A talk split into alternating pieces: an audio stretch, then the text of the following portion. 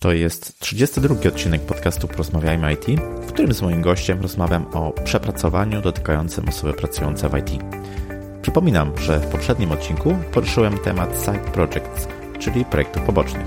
Chcę poszerzać horyzonty ludzi z branży IT wierzę, że poprzez wywiady takie jak ten, publikowane jako podcasty, będę to robił z sukcesem. Dzięki za wiadomości, które ślecie. Większej motywacji do dalszego nagrywania niż to nie potrzeba. Ja się nazywam Krzysztof Kępiński i życzę Ci miłego słuchania. Odpalamy. Cześć. Mój dzisiejszy gość to autor projektu Ogarnie Chaos. Pomaga przedsiębiorcom i specjalistom wyjść z przepracowania i stosować nowoczesne metody zarządzania sobą w czasie, tak by po prostu mogli cieszyć się życiem. Wcześniej uznany pracownik Microsoft, prywatnie ojciec, mąż, fan podróży, fotografii, lotnictwa staje się również, a od niedawna e, podcaster. Moim waszym gościem jest Marcin Kwieciński. Cześć Marcin, bardzo się cieszę, że zgodziłeś się przyjąć zaproszenie do podcastu i porozmawiamy na bardzo ciekawy, interesujący temat, myślę. Cześć Krzysztofie, witam też wszystkich naszych słuchaczy. Dzień dobry. Super. E, no właśnie, a ten temat to przepracowanie. I postaram się trochę e, zahaczać o IT, jeśli chodzi o przepracowanie, ale myślę, że te rzeczy, które będę chciał od Marcina wyciągnąć, będą na tyle uniwersalne, że tak naprawdę każdy może je e, zastosować. A o przepracowaniu nie tylko będziemy mówić jako o zjawisku, ale również o tym, jak sobie z nim poradzić. Marcin, moje takie pytanie wprowadzające zawsze to, czy słuchasz podcastów, a jeśli tak, to jeśli mógłbyś jakieś polecić. Nie, znaczy rzeczywiście podcasty są takim y, dla mnie dzisiaj y, jednym ze sposobów pozyskiwania aktualnej wiedzy, więc tak, słucham podcastów. Y, natomiast dzisiaj raczej słucham bardzo wybiórczo, czyli szukam tego, czego chcę posłuchać, to co mnie interesuje, niż żeby śledzić jakieś konkretne, konkretne takie podcasty jednego czy tam kilku, kilku autorów co, co w miarę staram się obserwować. Na pewno podcast Story Brand, na pewno podcast Michaela Hayata, yy, twój podcast od czasu do czasu, yy, Michała Szafrańskiego, yy, również, tak przeglądam teraz właśnie w telefonie, Manager Plus, Modlitwa w drodze, Dominik Juszczyk, no, generalnie to, co gdzieś tam się pojawia i tych autorów, których gdzieś tam staram się obserwować. Natomiast, tak jak właśnie powiedziałem, raczej w kontekście tematu niż żeby tak e, non-stop na bieżąco e, wszystkie e, odcinki słuchać. Bardzo fajna lista podcastów, bardzo ciekawe pozycje. Cieszę się, że też gdzieś tam się w nich znalazłem i, i fajnie, że wybierasz sobie tak świadomie te, te rzeczy, które słuchasz, a nie tylko biernie konsumujesz wszystko tak jak leci. Super. Marcin, to zacznijmy może od zdefiniowania na początku, czym jest przepracowanie w ogóle. Czy, czy, czy jest jakaś, no nie wiem, taka ogólna miara, mm, za pomocą której można zmierzyć przepracowanie, czy też może to zależy od czegoś innego? Czy ja patrzę na przepracowanie jako na zestaw pewnych symptomów, które pojawiają się przy wykonywaniu pracy umysłowej. I też właśnie, właśnie tutaj mówimy o pracy umysłowej. No ja nie, nie zajmuję się pracą taką fizyczną, więc jeżeli mówimy o pracy umysłowej, to takim najbardziej charakterystycznym i pierwszym pierwszym obserwowalnym symptomem i takim oczywistym to jest e, praca w nadgodzinach. E, natomiast e, też nie tylko na to zwracam uwagę, ponieważ poza tym, że pracujemy dłużej niż tam jakieś normy, czyli na przykład 8 godzin dziennie, to w pracy umysłowej bardzo ważne jest również zwrócenie uwagi na przeciążenie mentalne.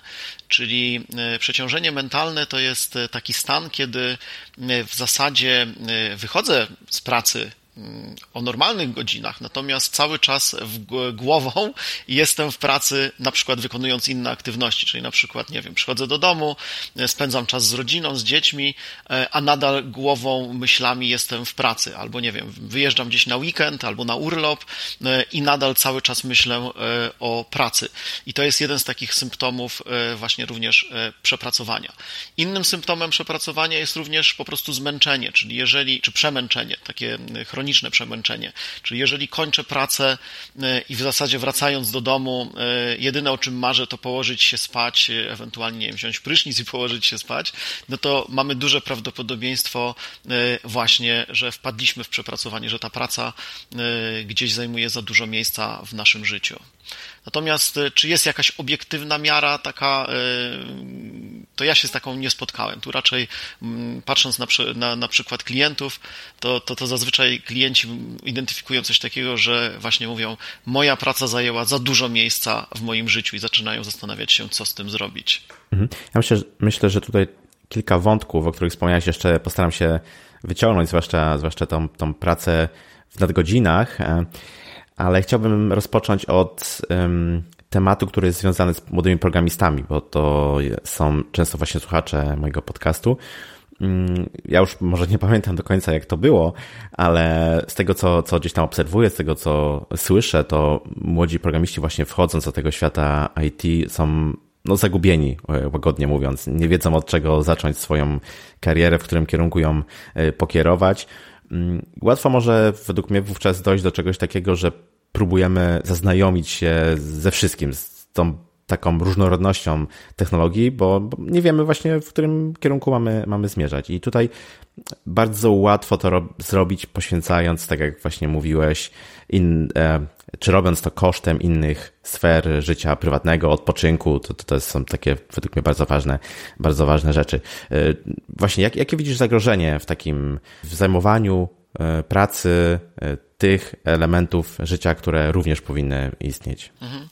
Czy ja myślę, że takim głównym zagrożeniem właśnie w życiu to jest to, że w pewnym momencie praca zajmie nam całe życie, tak? Czyli gdzieś wypełni nam całe życie i okaże się, że gdzieś tutaj nie mamy w ogóle przestrzeni pomyśleć czy działać w takich innych, innych obszarach, które są dla nas istotne. I ja myślę, że pierwszą taką rzeczą, którą w ogóle warto sobie, niezależnie od tego, na jakim etapie kariery jesteśmy, zrobić, to jest wyznaczyć granice swojej pracy, czyli odpowiedzieć sobie na pytanie, ile miejsca w moim życiu ma zajmować moja praca e, na tym etapie kariery, na którym jestem, bo to też jest bardzo indywidualne i uzależnione od e, pewnego sezonu e, naszego życia. Wiadomo, że jeżeli na przykład, nie wiem, jesteśmy studentami, wchodzimy dopiero na rynek, to jesteśmy w stanie w, w rozwijanie kompetencji włożyć więcej energii, więcej czasu. Im bardziej mamy, zaczynamy mieć złożone życie, no to i więcej zobowiązań, to może się okazać, że, że ta praca chcemy ją troszeczkę zmniejszyć. Więc tu zawsze też jakby o, o, patrzymy patrzymy przez pryzmat tego, w którym sezonie życia jesteśmy. Natomiast ja widzę takie duże zagrożenie właśnie w tego, że mało ludzi w ogóle zastanawia się nad tym, to ile ja chcę pracować, na jakich zasadach, czy na przykład chcę pracować w weekendy, y, czy nie, czy jeżeli chcę pracować po y, znaczy w jakich godzinach chcę pracować, tak? Co to dla mnie znaczy praca po godzinach. I tu znowu też y, my żyjemy w bardzo ciekawych czasach i myślę, że szczególnie w branży IT ma tutaj pewne uprzywilejowanie, ponieważ pracę w branży IT można wykonywać bardzo elastycznie.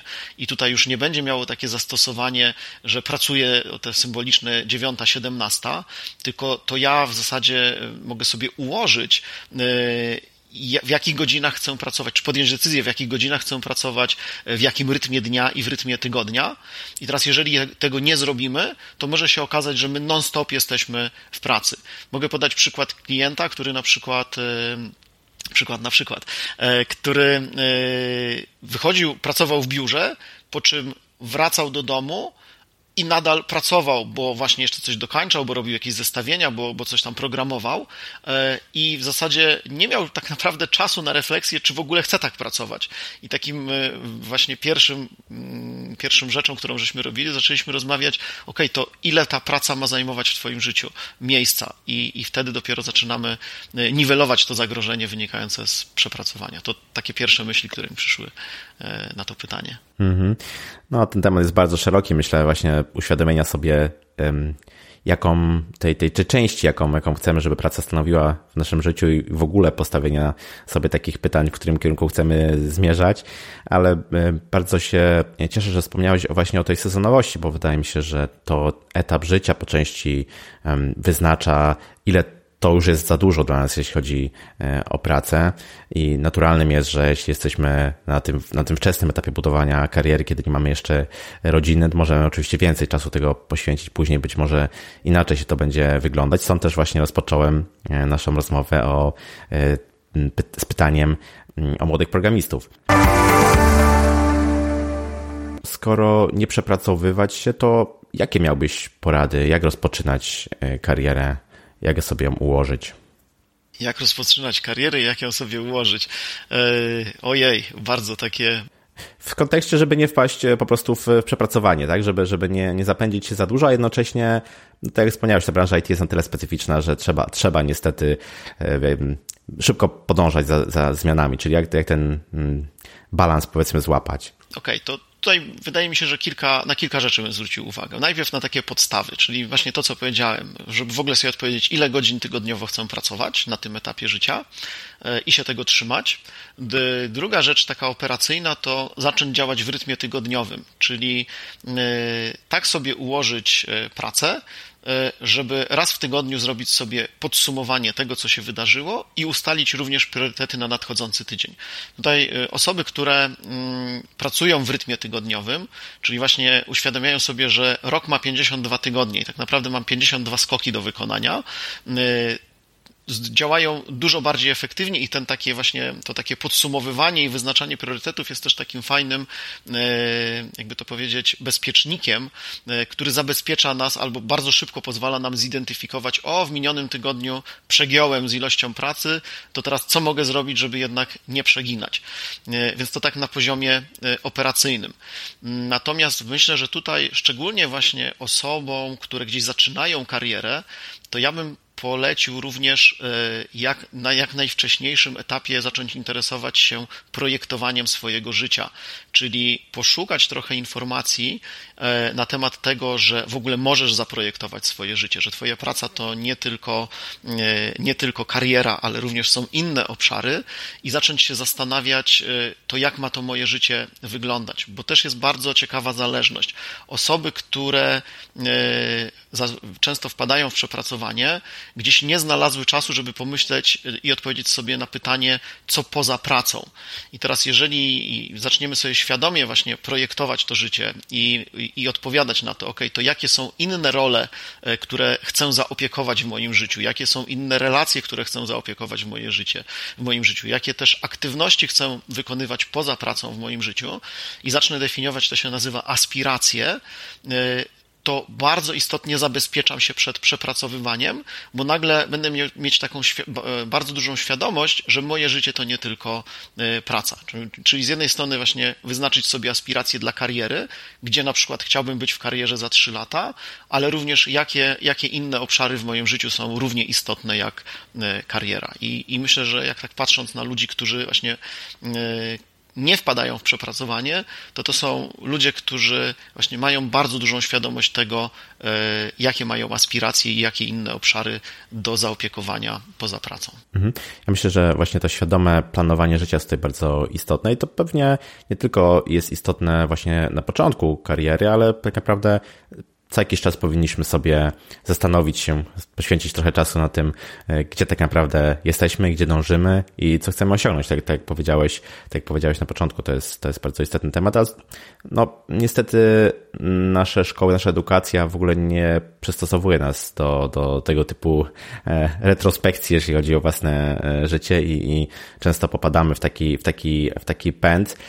i, i przyszedł mi na myśl taki e, e, mem, który, który gdzieś tam krąży, jak, jak właśnie mówiłeś o tym, że nie mamy czasu się zatrzymać, e, o takich dwóch ludziach, którzy ciągną wóz na kwadratowych kołach i trzeci podaje im okrągłe koło, a oni mówią, że niestety nie mają, nie mają czasu, bo są zajęci, żeby to koło sobie zmienić na, na, na, na bardziej okrągłe. tak, dokładnie. I, i, i, i coś, coś takiego ma, ma często niestety miejsce. Myślę, że każdy, każdy z nas się w tym świecie łapie, e, że, że, że jest e, przebodźcowany i, i, nie ma czasu na, na taką swobodną refleksję. Wiesz, ja bym, no głębokie, głębokie tematy. Ja bym tu chyba jeszcze dodał jedną rzecz, e, ponieważ właśnie jeżeli mówimy o tym definiowaniu przyszłości, czyli myślenie o przyszłości, to ty powiedziałeś planowanie życia. Ja tutaj bardzo mocno zwracam uwagę na to, że są dwa rodzaje definiowania E, przyszłości.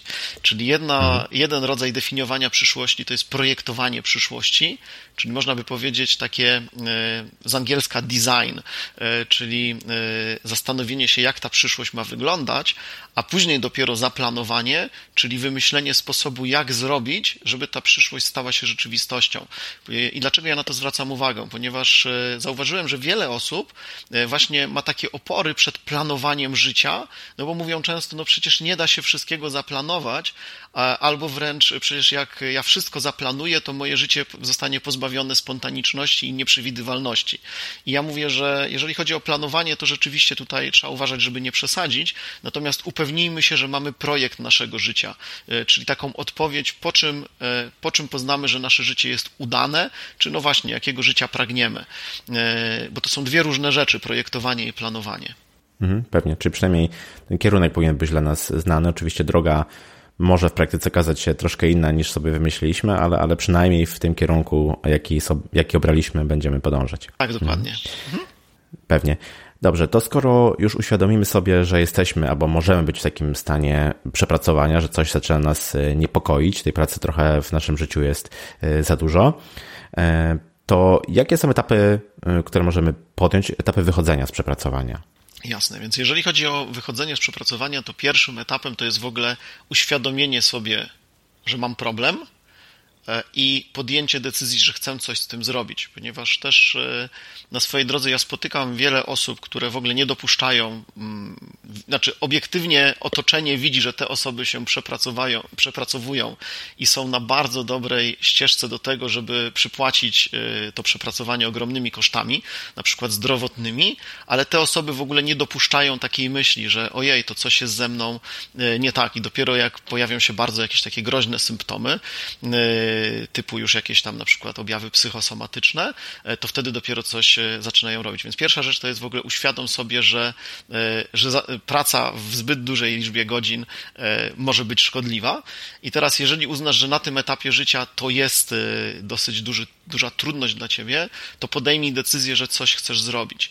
Ponieważ znowu, no, można mieć świadomość tego, że, że coś, coś tutaj nie gra, czy, czy ten projekt, nie, czy moje życie nie, nie spełnia warunków tego projektu, który sobie stworzyłem, ale nadal nie mam takiej wewnętrznej zgody, żeby coś z tym zrobić. Więc e, e, właśnie, decyzja, że chcemy coś z tym zrobić. I teraz, jeżeli już mamy tę decyzję, to ja zaczynam ze swoimi klientami zawsze od tego, żeby zrobić kilka takich podstawowych rzeczy. Po pierwsze, spisać wszystkie zobowiązania i wyrzucić je z głowy. Czyli nie trzymać zobowiązań w głowie, tylko zebrać je w jednym miejscu, żeby w ogóle zobaczyć, ile tej pracy jest i nauczyć klienta e, w ogóle opisywać pracę. E, to jest taka e, dosyć ważna, ważna rzecz, że żeby dobrze wykonywać pracę umysłową, to w pakiecie jakby wykonywania tej pracy umysłowej jest również to, że my musimy się nauczyć nadawać jej strukturę, czyli y, rozpoznawać, co jest zadaniem, y, co jest na przykład przedsięwzięciem, czyli naszym zobowiązaniem, które realizuję i co jest jeszcze na przykład celem, y, do którego dążę. I wiele osób tu się wykłada i zazwyczaj właśnie, ponieważ ma to bardzo mocno wymieszane, no to okazuje się, że, że po prostu działają nieefektywnie. Ta praca zajmuje im zbyt wiele, wiele czasu. Poza tym, jeżeli tylko trzymają w głowie te swoje zobowiązania, to też nasz mózg niezbyt dobrze sobie z tym radzi pojawia się szereg takich negatywnych czynników, jak wrażenie przytłoczenia, y, również y, przeciążenia, y, pewnego właśnie ten wspomniany symptom myślenia, myślenia o pracy poza pracą. Jeżeli już to wszystko wyrzucimy z głowy, to nagle się okaże, że, że, że, że zaczynamy dostrzegać, ile tej pracy mm, jest i wielu klientów mówi, aha, tylko przez to, że to ustrukturyzowałem, to ja już czuję, że to jest zarządzalne, że coś można z tym zrobić. Czyli zaczynamy właśnie od czegoś takiego. Druga z takich podstawowych technik to jest właśnie ta praca w rytmie tygodniowym, czyli wprowadzamy, e, upewnijmy się, że działasz w rytmie tygodniowym, ponieważ jeżeli nie działasz w rytmie tygodniowym, to, to masz dużo większe ryzyko e, przepracowania. Jeżeli działasz w rytmie tygodniowym, jeżeli masz e, jeżeli masz właśnie regularny przegląd tygodniowy, e, to jesteś w stanie e, po prostu właśnie e, lepiej określać to, na co, na co wydajesz czas. No i trzecia rzecz, tak z takich podstawowych, to świadomość tego, że mogę gospodarować swoim czasem i uświadomienie sobie w ogóle pewnej bezcenności tego, że nasz czas jest zasobem bardzo takim cennym i bezcenności czasu, można by powiedzieć. To jest też duża praca do wykonania, żeby taka po, po stronie mentalnej, żeby uświadomić sobie, że czas jest najcenniejszym zasobem, który posiadamy. Jeżeli na przykład weźmiemy sobie pieniądze, no pieniądze zawsze da się zarobić, da się pomnożyć, da się znaleźć sposoby na ich uzyskanie.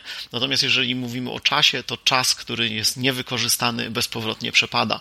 I u wielu osób właśnie tutaj też zachodzi transformacja, jeżeli zaczynają wychodzić z przepracowania, czyli zaczynają sobie uświadamiać tego, że, że tego czasu na wszystko nie starczy. W związku z tym pojawia się pytanie, to na co chciałbym, żeby starczyło. I ja myślę, że mhm. takie najważniejsze rzeczy na początek. Mhm, fajne porady, dzięki.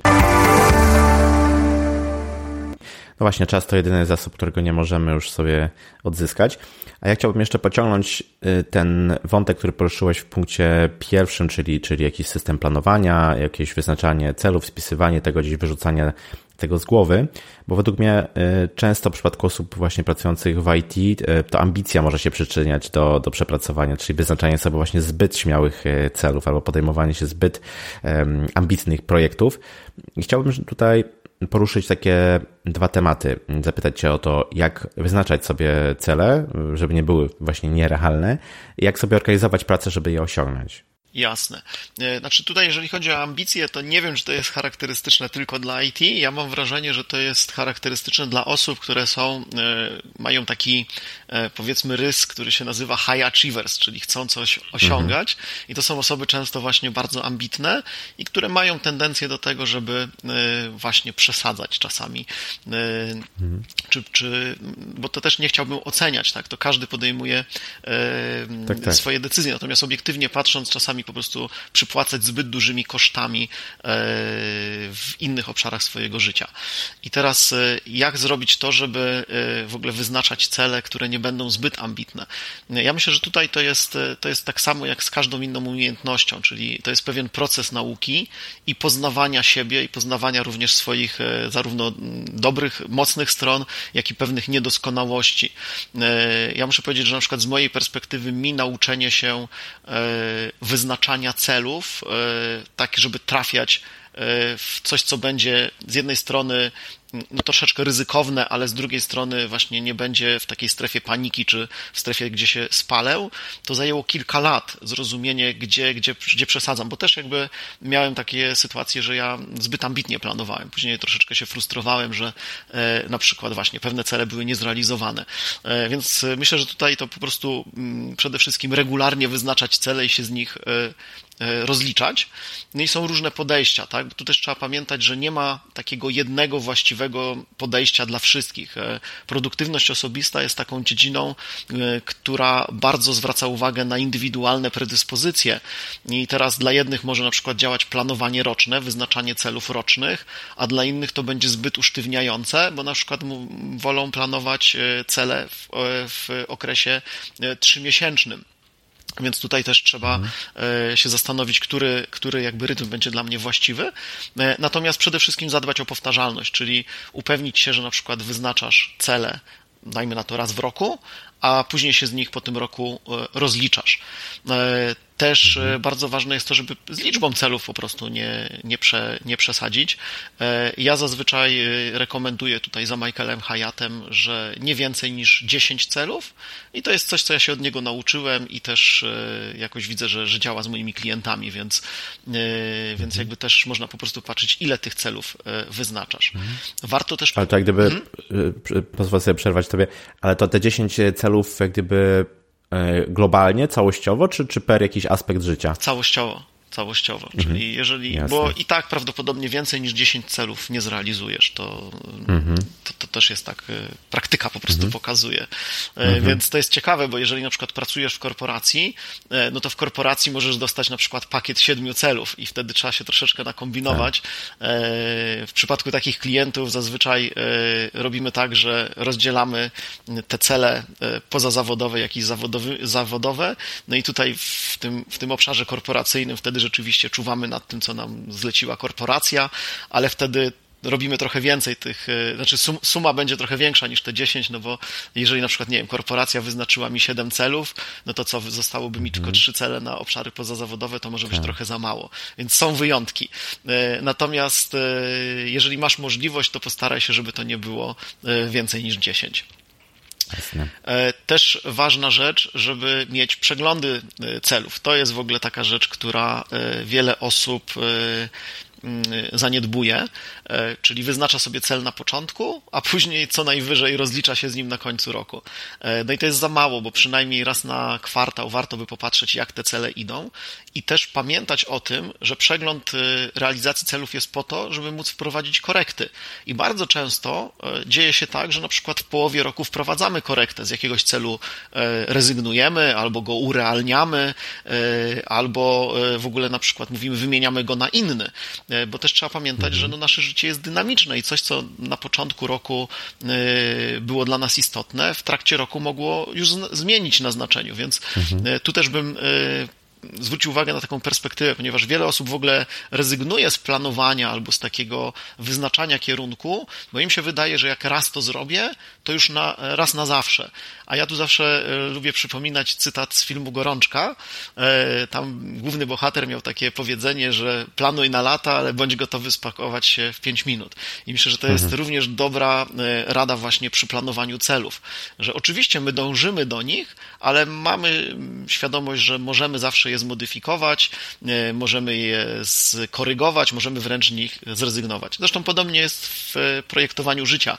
Projekt życia też jest cykliczny, czyli to nie jest tak, że raz na całe życie, tylko co roku go sobie będziemy uaktualniać. Więc myślę, że mhm. jeżeli chodzi o takie wyznaczanie celów, to, to tak ogólnie to tak bym powiedział, chyba że masz Krzysztofie jakieś pytania szczegółowe, to możemy pogłębić. A myślę, że to jest temat na, na osobny podcast, bo tutaj e, możemy mówić o różnych aspektach tego, nie tylko o, jakichś narzędziach, ale właśnie o, o, przeglądach, o weryfikowaniu. E, także, także może na razie poprzestańmy, poprzestańmy na tym. To i tak jest, myślę, całkiem dużo dla, dla słuchaczy. Natomiast warto tutaj właśnie powiedzieć, że ten temat jest bardzo szeroki. Tutaj też pewnie odsyłam do e, Marcina bloga. Tam ten temat jest, jest jeszcze rozszerzony właśnie w kontekście e, planowania i celów, więc mm, śmiało możecie sobie poszerzyć wiedzę w tym miejscu. A ja chciałbym nawiązać do tego zbyt ambitnego planowania, o którym e, powiedziałeś. Niedawno przeczytałem taką książkę o takim trochę groźnym tytule e, Subtelnie mówię fuck i ona ogólnie rzecz mówiąc mówi o tym, żeby odpuszczać i skupiać się właśnie tylko na, na ważnych rzeczach, czyli nie, nie przejmować się rzeczami albo nie skupiać naszej uwagi na rzeczach, które nie są dla nas istotne. I myślę, że to też nawiązuje do tego, co mówiłeś z tym planowaniem e, życia, żeby skupiać się właśnie na tych aspektach, które są dla nas w tej chwili istotne, które świadomie sobie w jakiś sposób wybraliśmy, czy, czy, czy wyznaczyliśmy jako nasze e, cele. A ja, ja mam, pytanie do Ciebie, E, czy według Ciebie takie odpuszczanie to jest właśnie jakiś rodzaj panaceum na e, przepracowanie? Nieraz słyszę właśnie coś takiego, że jeśli ktoś mm, może wchodzi dopiero w tę fazę przepracowania, to poleca mu się właśnie odpoczynek. I zastanawiam się, czy mm, to nie jest takie przejście trochę w drugą stronę, czy, czy za chwilę nie, nie okaże się, że będziemy po prostu znudzeni takim Aha. brakiem wyzwań i będziemy tacy po prostu raczej splaczali, a nie, a nie gotowi do działania. Co ty myślisz o tym? Wiesz co, to yy ja bym tutaj zwrócił uwagę na kilka rzeczy, bo czy, czy są osoby, które muszą się nauczyć e, odpuszczać? Jak najbardziej. E, dlaczego? Dlatego, że e, jeżeli na przykład mamy osobę, która jest, ma takie poczucie zbyt dużej odpowiedzialności. To się też bardzo często zdarza, że na przykład ktoś ma takie zbyt duże przywiązanie do detali, ponieważ no, czuje się odpowiedzialny, aż tak można by powiedzieć, chorobliwie odpowiedzialny albo odpowiedzialna za, za dany obszar, to wtedy rzeczywiście to takie odpuszczenie yy, będzie panaceum, tak? Czyli powiedzenie, powiedzenie sobie, czy wprowadzenie, nauczenie się pewnej obojętności, czyli yy, właśnie odpuszczania w tych obszarach, w których mogę sobie odpuścić. To się też troszeczkę wiąże z perfekcjonizmem. Jeżeli mamy tendencję do perfekcjonizmu, to również odpuszczanie yy, może nam pomóc. Natomiast oczywiście, jak ze wszystkim, można przegiąć w ekstrema, tak? Jednym ekstremum to jest brak umiejętności odpuszczania, ale drugim ekstremum jest w ogóle odpuszczenie wszystkiego i zrezygnowanie z odpowiedzialności za swoje życie, za swoją pracę, za swoją karierę. Więc ja myślę, że tutaj odpowiedź jest, że trzeba znaleźć jakiś taki złoty środek. Natomiast druga rzecz, która mi tutaj przyszła też w kontekście tego odpuszczania, to jest taka rzecz, którą bardzo mało osób, mam wrażenie, w Polsce szczególnie sobie uświadamia. W gospodarkach bardziej rozwiniętych już mamy tutaj trochę większą świadomość. Natomiast, że jeżeli mm, zdecydowaliśmy się wykonywać pracę umysłową, to ta praca umysłowa wymaga zaopiekowania kilku różnych obszarów, nie tylko takiego samego myślenia, bo okazuje się, że żeby na przykład dobrze myśleć, a w zasadzie kariera w IT e, to jest przede wszystkim umiejętność e, myślenia w wysokiej jakości, to również musimy zadbać o regenerację. I tak jak na przykład mam, weźmiemy sobie profesjonalnego sportowca, to profesjonalny sportowiec praktycznie już na początku układania planu treningowego i rozwojowego e, uwzględni, w jaki sposób i kiedy będę się regenerować. I tak samo jest w pracy umysłowej. E, regeneracja, czy umiejętność regeneracji, to nie jest e, pewne prawo, które my mamy, tylko wręcz obowiązek, jeżeli chcemy wykonywać pracę umysłową. I tak samo jak, nie wiem, żeby wykonywać dobrze pracę umysłową, to jest potrzeby, potrzebny stały rozwój, bo nasz mózg się nudzi w długim okresie czasu i potrzebujemy e, nowych bodźców rozwojowych, tak samo potrzebujemy nauczyć się e, regenerować. E, I tutaj czasami ta świadomość jest bardzo niska.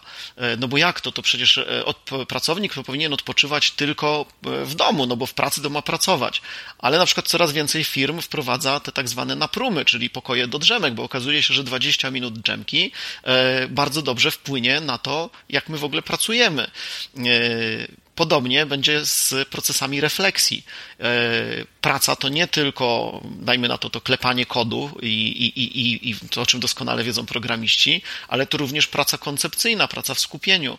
E, I ja też e, potrzebuję nauczyć się wyłączać z takiej bieżączki, zadbać o pracę w skupieniu i to nie jest to, że ja sobie odpuszczam jakoś pracę, tylko to jest po prostu ja świadomie gospodaruję swoją uwagą, swoją energią, no i swoim czasem.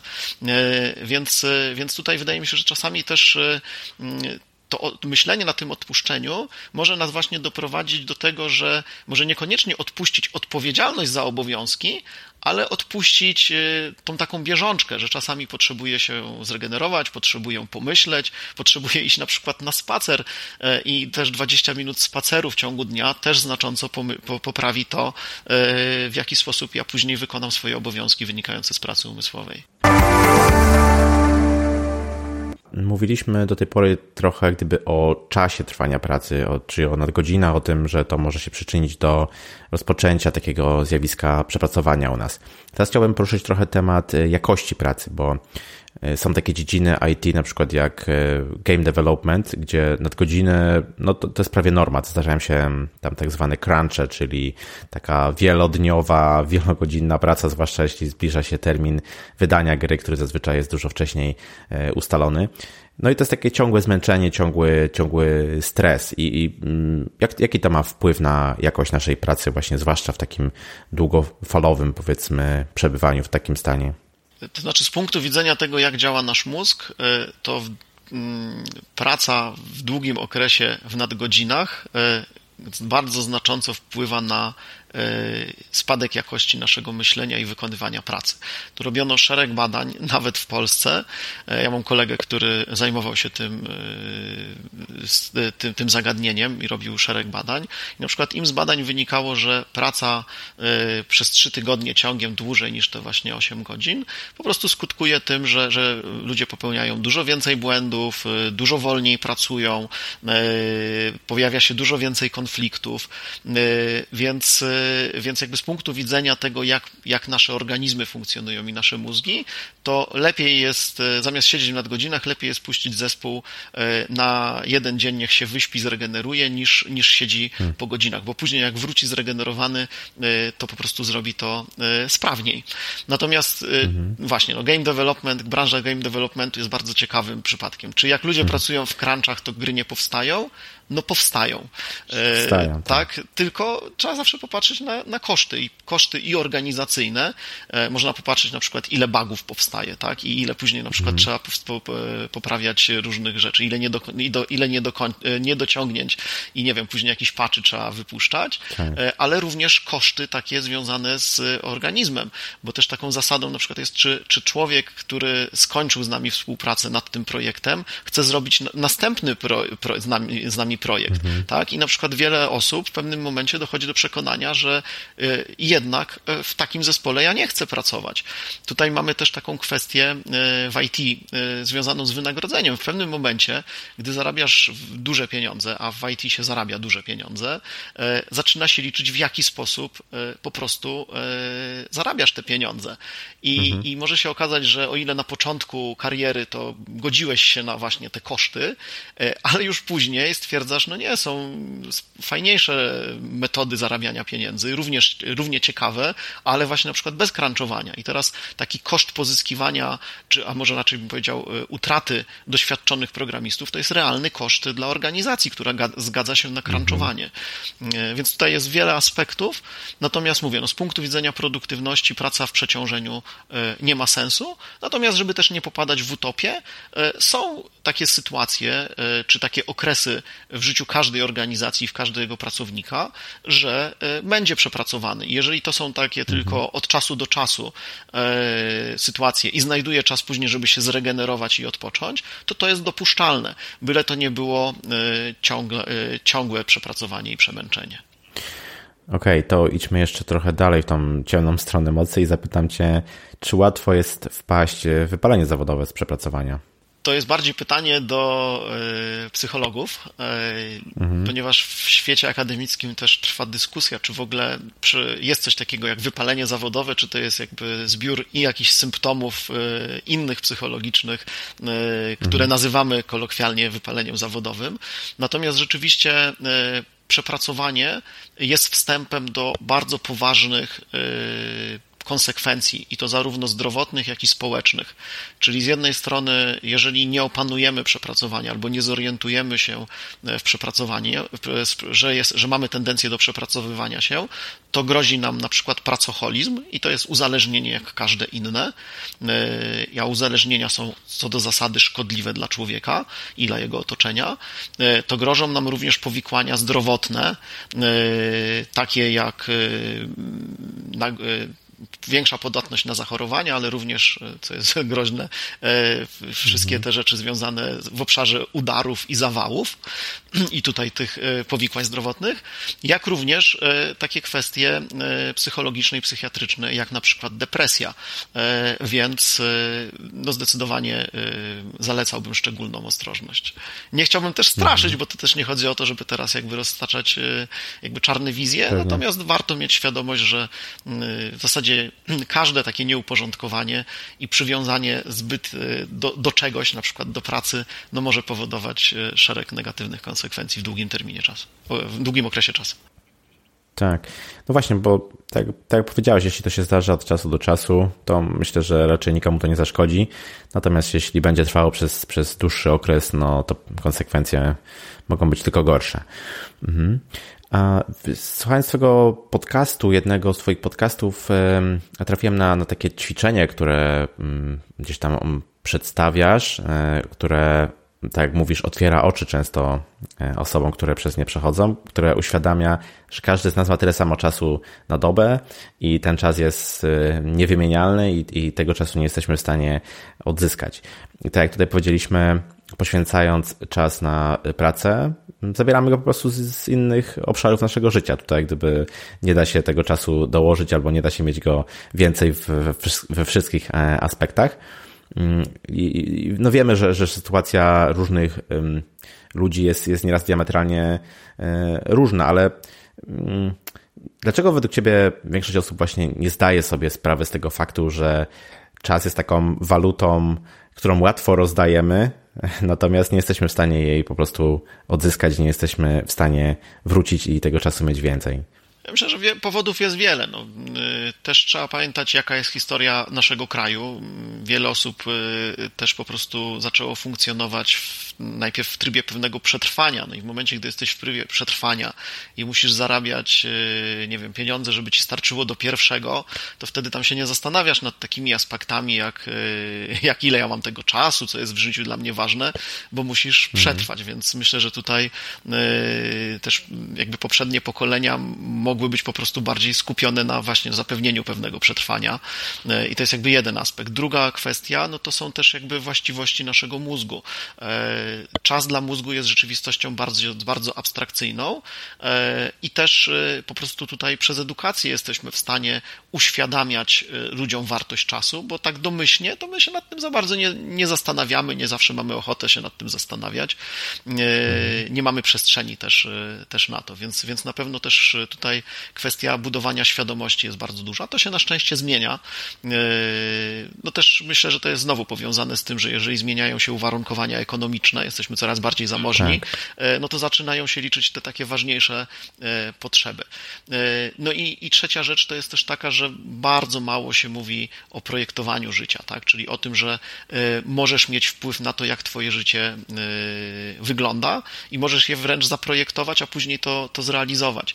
I, i, i, i myślę, że to jest jakby też taka pochodna, dlaczego nie, nie, nie cenimy naszego czasu, bo wydaje nam się, że tego czasu starczy na wszystko i dopiero jak zrobimy świadome ćwiczenie i zaczynamy, zaczynamy o tym myśleć, że to jest realny zasób, którym mogę gospodarować i jego jest 86 400 sekund i nie mniej, mhm. ale też nie więcej, e, no mhm. to, to wtedy dopiero możemy coś z tym zacząć, zacząć robić. Więc pewnie jak zwykle wszystko zaczyna się od e, świadomości słowo klucz na dzisiaj. E, tak. A chciałem Cię jeszcze zapytać, kiedy jest ten moment, kiedy już sami nie jesteśmy sami, nie jesteśmy e, w stanie sobie poradzić z przepracowaniem trzeba się po prostu udać do e, specjalisty?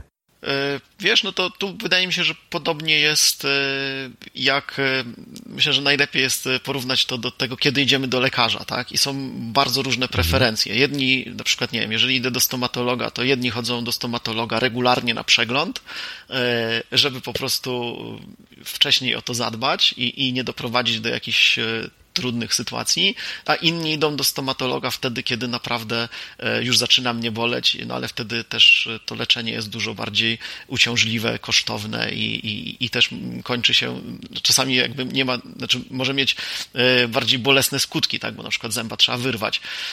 Więc mhm. ja raczej zachęcam do takiego spojrzenia, żeby dbać o takie dobre praktyki organizacji swojej pracy i myśleć o tym jak najwcześniej. Natomiast na pewno wizytę u specjalisty, jak to fajnie nazwałeś, warto rozważyć wtedy, kiedy e, zaczyna mieć to jakieś e, poważne konsekwencje dla ciebie, tak? Ja muszę powiedzieć, mhm. że y, jak patrzę na klientów, to często to są takie sytuacje, znaczy tak, część klientów rzeczywiście to są ludzie, którzy mają taką wysoką świadomość, mówią, jak tak dalej pójdzie, to za rok, półtora, za dwa lata będziemy mieli problem. Albo ja będę miał problem w swojej karierze, albo mój zespół będzie miał problem. I, i rzeczywiście jest duża grupa takich y, menedżerów czy przedsiębiorców, którzy myślą w przód. Ale też w gronie moich klientów są ludzie, którzy na przykład zaczęli myśleć e, o tym, że są przepracowani, gdy na przykład e, naprawdę im się biznes zawalił, e, czyli dotknęli tego, że coraz więcej pracują, a podejmują coraz gorsze decyzje i coś przestało działać, tak bardzo istotnie.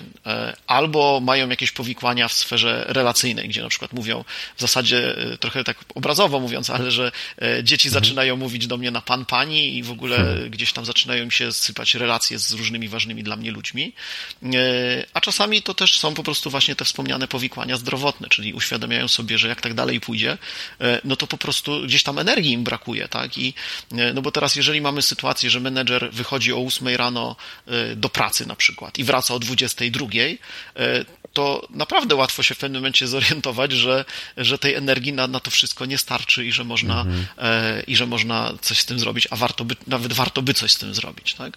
Tylko, że mówię, no tutaj już kwestia tak, jest tej uświadomienia sobie, że jest problem i później podjęcia decyzji, że chcą coś z tym zrobić. Tak, no decyzji się wszystko zaczyna. Mhm. Mhm. A mówiłeś tutaj dużo o e, planowaniu życia, o określaniu, ile e, ten obszar pracy powinien w naszym życiu zajmować, ale często ta rzeczywistość IT wygląda tak, że no, musimy poświęcać dodatkowy czas, żeby naprawić błędy, jakieś bugi, które wyskoczą. Musimy e, kończyć funkcjonalności na ostatnią chwilę i w związku z tym spędzać tego czasu po prostu więcej w pracy. Jak według Ciebie takie sytuacje powinny być właśnie traktowane w firmach, po to, żeby no wiem, zadbać o interes i pracownika, i pracodawcy? Jasne. E, to tutaj by trzeba było właśnie spojrzeć z kilku, e, z kilku perspektyw. Zazwyczaj, jeżeli mamy takie wrażenie, że musimy, e, i że właśnie to tak wygląda w, tej, w tym zespole albo w tej branży tak wy, wygląda, to to jest tylko przekonanie, bo po pierwsze nie musimy i nie we wszystkich zespołach to tak wygląda. I w takich sytuacjach, jeżeli są takie sytuacje, bo zazwyczaj to musimy się pojawiać tego, że, z tego, że widzimy, że to jest sytuacja powtarzalna. Czyli różne rzeczy robimy, ale jednocześnie e, co miesiąc na przykład właśnie musimy domykać te bugi, albo musimy naprawiać jakieś tam, e, wypuszczać jakieś poprawki. E, I wtedy trzeba się przyjrzeć przede wszystkim procesom, e, ponieważ prawdopodobnie w procesie coś nie działa, albo w procesie zarządzania projektami, albo w procesie wytworzenia kodu, albo w procesie utrzymania kodu, no prawdopodobnie, albo może po prostu mamy za mało zasobów i to, na to też trzeba popatrzeć i po prostu bierzemy na siebie za dużo, tak? I, i tu można by porównać do tego, że oczywiście możemy sobie powiedzieć, że od razu przebiegniemy maraton, ale jeżeli nigdy nie biegliśmy, to to jest nierealne oczekiwanie i tak samo jest i możemy wziąć na siebie bardzo, stworzenie bardzo dużej aplikacji, ale jak mamy zespół jedno czy dwuosobowy, to prawdopodobnie tego nie udźwigniemy. E, I tutaj jakby niezależnie od tego, ile, ile tej pracy włożymy. Więc jakby na pewno trzeba się przyjrzeć procesom, które są.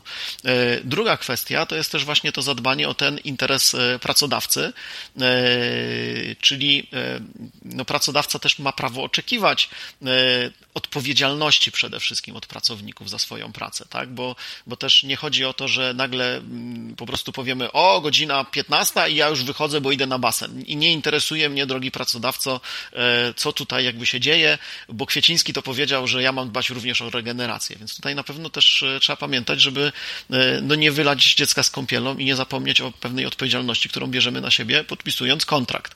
E, ale również odpowiedzialnością pracodawcy jest zapewnienie dobrego dowodzenia i zapewnienie, zapewnienie pewnych środków czy produkcji, tak? czyli możliwości wykonywania pracy w sposób komfortowy.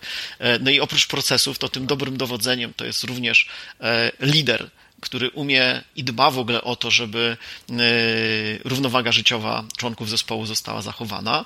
No i jak również, i to jest fajne, bo coraz więcej firm to zapewnia, a szczególnie w obszarze IT, czyli też dbanie o takie dostarczenie możliwości korzystania e, na przykład z jakiejś regeneracji, z jakichś masaży, z e, pokojów do drzemek. Ostatnio widziałem fajny pokój do wyładowywania agresji, taki wyciszony, gdzie można po prostu, jak jest trudna sytuacja, to zamiast się wyżywać na, na to można iść, wykrzyczeć się, wykopać i tak dalej, i tak dalej. Więc, e, więc jakby coraz więcej takich możliwości jest zapewnianych. Tylko też na przykład sami pracodawcy mówią, co z tego, że my takie rzeczy zapewnimy, jak nasi pracownicy nie chcą z tego korzystać, bo mówią no właśnie, tak. że my musimy dokończyć, my musimy coś zrobić, więc mhm. wydaje mi się, że tutaj e, odpowiedzialność jest obopólna. Z jednej strony środowisko pracy powinno pomagać w uzyskaniu równowagi życiowej, no ale również po naszej stronie jest ta lekcja do odrobienia, żeby nauczyć się pracować w taki sposób, żeby osiągać cele, ale bez przeciążenia i bez przepracowania. Mhm. Bardzo mi się podoba to, co powiedziałeś, że jeśli wszystkie strony będą dbały o to wspólne dobro, no to wtedy jest dużo większa szansa na powodzenie i dużo większa szansa na to, że tak naprawdę każda ze stron będzie po prostu zadowolona z tej, z tej współpracy, z tego układu. Mhm. Jak sobie myślę o przepracowaniu, to jeszcze pojawiają się takie słowa jak pracoholizm i perfekcjonizm. To są takie rzeczy, które gdzieś siedzą w człowieku, jak gdyby wewnątrz niego, czy wychodzą z niego. Pracując z kodem można go prawie w nieskończoność dopieszczać, prawda, Do, żeby jeszcze lepiej wpasowywał się w jakieś e, standardy. Czy ten, ten perfekcjonizm e, no, może być naprawdę na wysokim poziomie. I jak sobie właśnie radzić z takim pracoholizmem, perfekcjonizmem w pracy, no w IT dajmy na to, jeśli jestem powiedzmy programistą? Znaczy, tu wydaje mi się, że e, najlepsza odpowiedź to będzie taka, że jeżeli ja już jestem na etapie pracoholizmu albo jestem na etapie perfek nieopanowanego perfekcjonizmu, to to jest sprawa co najmniej dla psychologa.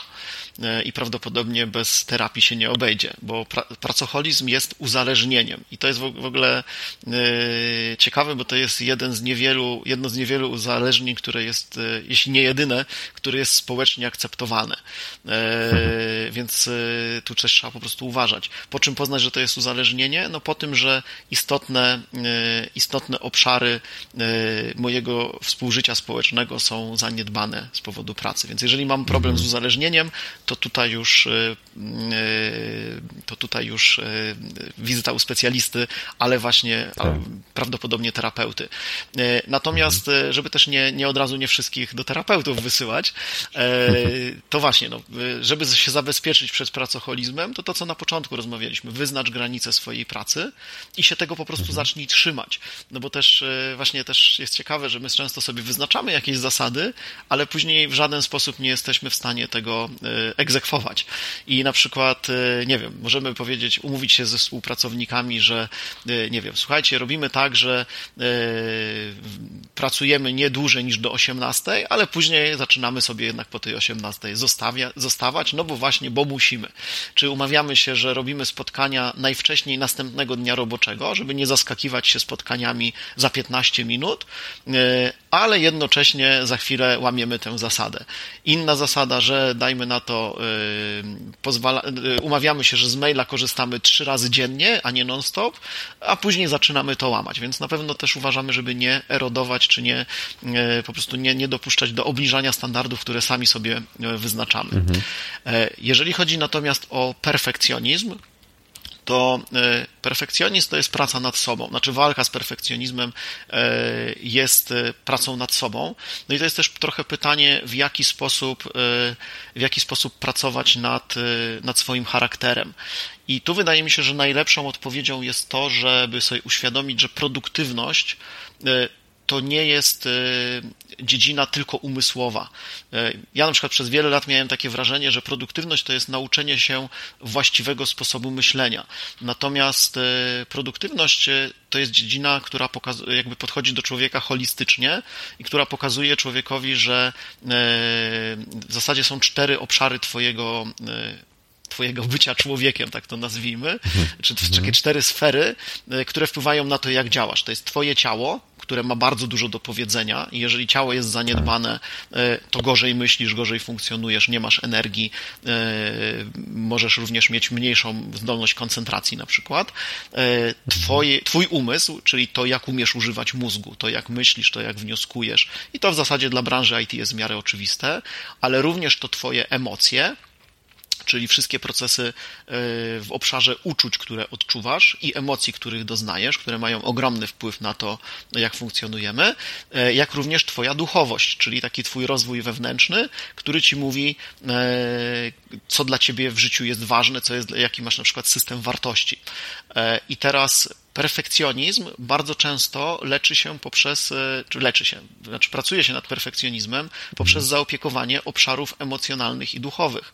I bo sam sposób myślenia, że ja teraz e, logicznie nie będę wpadać e, w perfekcjonizm, jest niewystarczający. I teraz mhm. bardzo często wychodzenie z, prze, z perfekcjonizmu to jest uświadomienie sobie, że są jakieś emocje pod spodem, które powodują, że ja wpadam w perfekcjonizm. Bardzo często często jest to związane ze strachem albo z lękiem. E, I teraz zapanowanie nad emocjami, czy zarządzanie emocjami, bo zapanować nad emocjami się nie da w takim sensie, że da, że da się je wyłączyć, e, ale da się wybierać reakcje, uświadomienie sobie tych reakcji emocjonalnych e, i na przykład powiedzenie sobie, na przykład na poziomie logicznym to jest wprowadzenie zasady, jest to wystarczająco dobre, e, ale na poziomie emocjonalnym to jest też pogodzenie się, że czuję pewien dyskomfort z tym, że oddaję rzeczy wystarczająco dobre. Mhm.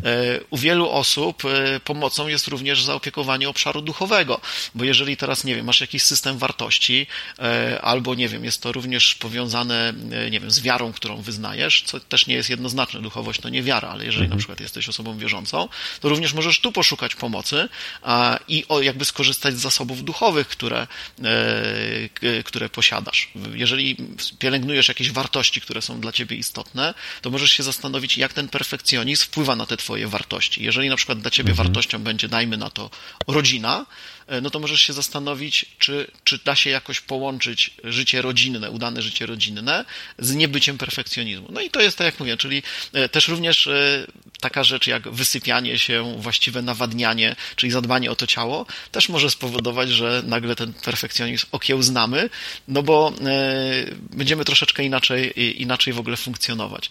Więc tutaj odpowiedź jest taka trochę bardziej holistyczna i złożona i wydaje mi się, że nie ma jednej takiej recepty na, na, na, na perfekcjonizm. Oczywiście są specjaliści, którzy e, specjalizują się tylko na przykład w wyciąganiu ludzi z perfekcjonizmu, e, ale oni też stosują szereg różnych technik i metod, żeby e, dostosowanych do konkretnego klienta, żeby po prostu tego klienta wyprowadzić z tego perfekcjonizmu. Mhm, no bardzo, bardzo ciekawe, dowiedziałem się czegoś nowego. A na zakończenie powiedz proszę Marcin, czy branża IT, no, z którą jakby nie było jesteś związany, jest jakoś szczególnie narażona na przepracowanie? Ja myślę, że y, tak, z kilku powodów. Mhm. Pierwszy powód jest taki, że to jest branża, która bardzo szybko się zmienia. I, i w zasadzie tutaj mamy taką e, sytuację, że właśnie ten pęd ku nowości, bardzo często branża, branża IT również przyciąga ludzi, którzy są naturalnie ciekawi świata i to może powodować, że my nie tyle będziemy postrzegać przepracowanie jako coś negatywnego, e, tylko uśpi nam się czujność, ponieważ ta nasza ciekawość e, i poszukiwanie rozwiązań i chęć jakby bycia na czasie i, i też to takie nadążenie za tym tempem zmian może powodować, że właśnie stracimy czujność i, i, i gdzieś tutaj e, wpadniemy zbyt bardzo w e, przepracowanie, czyli ta praca zajmie nam za, wiele miejsca. E, również właśnie jest to przede wszystkim praca umysłowa i też bardzo często praca taka wielowątkowa, czyli tu mamy wiele różnych, zazwyczaj projekty informatyczne, E, mają wiele różnych wątków, trzeba połączyć wiele różnych e, oczekiwań, e, jest wiele interakcji z innymi, z innymi osobami. No i to też może powodować, że wydaje nam się, że to wszystko jest, jest jakby wymaga właśnie, że musimy, musimy pracować więcej. Ale widzę też dużo szans w IT, bo uważam, że IT ma ogromne szanse, których na przykład nie mają inne branże. I mhm. jakby miał powiedzieć, jakie są szanse, żeby żeby właśnie osiągać cele bez przepracowania, to pierwsza rzecz to jest taka, że w IT się dobrze zarabia, y, czyli możemy pomyśleć w ogóle o takim luksusie, czyli bo zazwyczaj ludzie w IT nie są w tym takim trybie y, walki o przetrwanie. Inaczej, inaczej mhm. będzie wychodzić osoba przepracowana, która ledwo spłaca kredyty i na nic nie starcza, a inaczej taka, która mhm. ma zapewnione mm, podstawowe mm, jakby potrzeby i wręcz jeszcze ma jakieś oszczędności. Wtedy jest większe poczucie bezpieczeństwa, wtedy łatwiej jest też wprowadzać zmiany. E, druga kwestia to jest IT uwielbia nowe technologie, a dzisiaj technologia e, po prostu nam bardzo mocno e, ułatwia różne rzeczy, automatyzuje. I w IT, ja to też to jest obserwacja z pracy z moimi klientami. O ile w innych działach ja mam dużą trudność w przekonywaniu do rozwiązań technologicznych, o tyle w IT to jest wręcz, no dobra, to wręcz ta dyskusja się zaczyna. Marcin, jakich narzędzi możemy użyć, żeby sobie pomóc? No i jest jeszcze trzecia rzecz, bardzo ważna zazwyczaj ludzie w branży IT myślą strukturą, czyli myślą algorytmicznie, mhm. a tak naprawdę wychodzenie z przepracowania to jest często wdrożenie, wgranie sobie i wdrożenie nowych algorytmów pracy mhm. i nadawanie struktury Jasne. tej pracy i to przychodzi ludziom bardzo łatwo, więc to, dlatego też to jest ciekawe, jak popatrzysz na przykład na blogosferę, to bardzo wiele osób o produktywności, którzy się zajmują produktywnością, e, właśnie wywodzi się ze świata IT, bo oni się po prostu nauczyli tak. strukturyzować pracę, bo to jest jakby naturalna część tego, tego, tego jakby działania. Też te osoby bardzo często e, samodzielnie naprawiają sobie swoją sytuację przepracowania, mhm. no bo tylko wystarczy im podpowiedzieć coś w podcaście, e, na blogu i w zasadzie samodzielnie są w stanie już jakby dojść do tego, gdzie jest, gdzie jest esencja i jak to wdrożyć w swoim, w swoim życiu. Więc oprócz zagrożeń widzę też dużo szans. Mhm. Ciekawe, ciekawe. Super, Marcin, ja Ci bardzo dziękuję za ciekawą rozmowę. Fajnie, że naświetliłeś ten temat przepracowania i wychodzenia e, z, z przepracowania, tym bardziej. I na koniec powiedz proszę, gdzie Cię można znaleźć w internecie? Też przede wszystkim marcinkwieciński.pl e, to jest moja, moja strona, mój blog. E, albo łatwiej zapamiętać po prostu ogarnij chaos, czyli ogarnijchaos.pl, też doprowadzi do mnie. E, no mhm. i oczywiście można mnie też znaleźć w social media, na LinkedInie, na Facebooku. Natomiast najlepszy punkt kontaktu to po prostu mój blog. No i od niedawna właśnie, jak wspomniałeś, podcast, również który ma nazwę tak Ogarnij Chaos. Super. Dzięki wielkie Marcin. Zapraszam do bloga, do podcastu Marcina i do usłyszenia. Cześć. Do usłyszenia i też bardzo dziękuję za zaproszenie i za to, że e, mogłem się podzielić z Wami tym wszystkim, co tutaj e, Dzięki. I to na tyle z tego, co przygotowałem do Ciebie na dzisiaj. Przepracowanie to trudny temat, który często dotyka osoby pracujące w IT. Warto umieć zidentyfikować, kiedy już się do niego zbliżamy i wiedzieć, jak sobie z nim poradzić. Nie samą pracą żyje człowiek. Do szczęścia zbliżamy się podchodząc holistycznie do życia i tak jak e, Marcin powiedział, warto zadbać też o innego aspekty. Dlatego dzisiaj pomyśl też o odpoczynku, relacjach z bliskimi albo zaplanuj jakiś ruch po pracy. Jak zawsze zapraszam Cię na fanpage na Facebooku. Jeśli słuchasz na stronie lub YouTube, to zapraszam Cię do zainstalowania aplikacji do słuchania podcastów i zasubskrybowania Porozmawiajmy o IT. Słuchanie w ten sposób jest znacznie wygodniejsze. Jeśli jeszcze nie oceniłeś mojego podcastu w swojej apce do słuchania, to jako formę oddzięczenia się zrób to proszę po wysłuchaniu tego nagrania. Dzięki. Jeśli masz jakieś pytania, pisz śmiało na Krzysztof Małpar, porozmawiajmy o IT.pl. Dzięki za spędzony ze mną czas. Ja się nazywam Krzysztof Kępiński, a to był odcinek podcastu Porozmawiajmy o IT o przepracowaniu. Zapraszam do kolejnego odcinka już za dwa tygodnie. Cześć!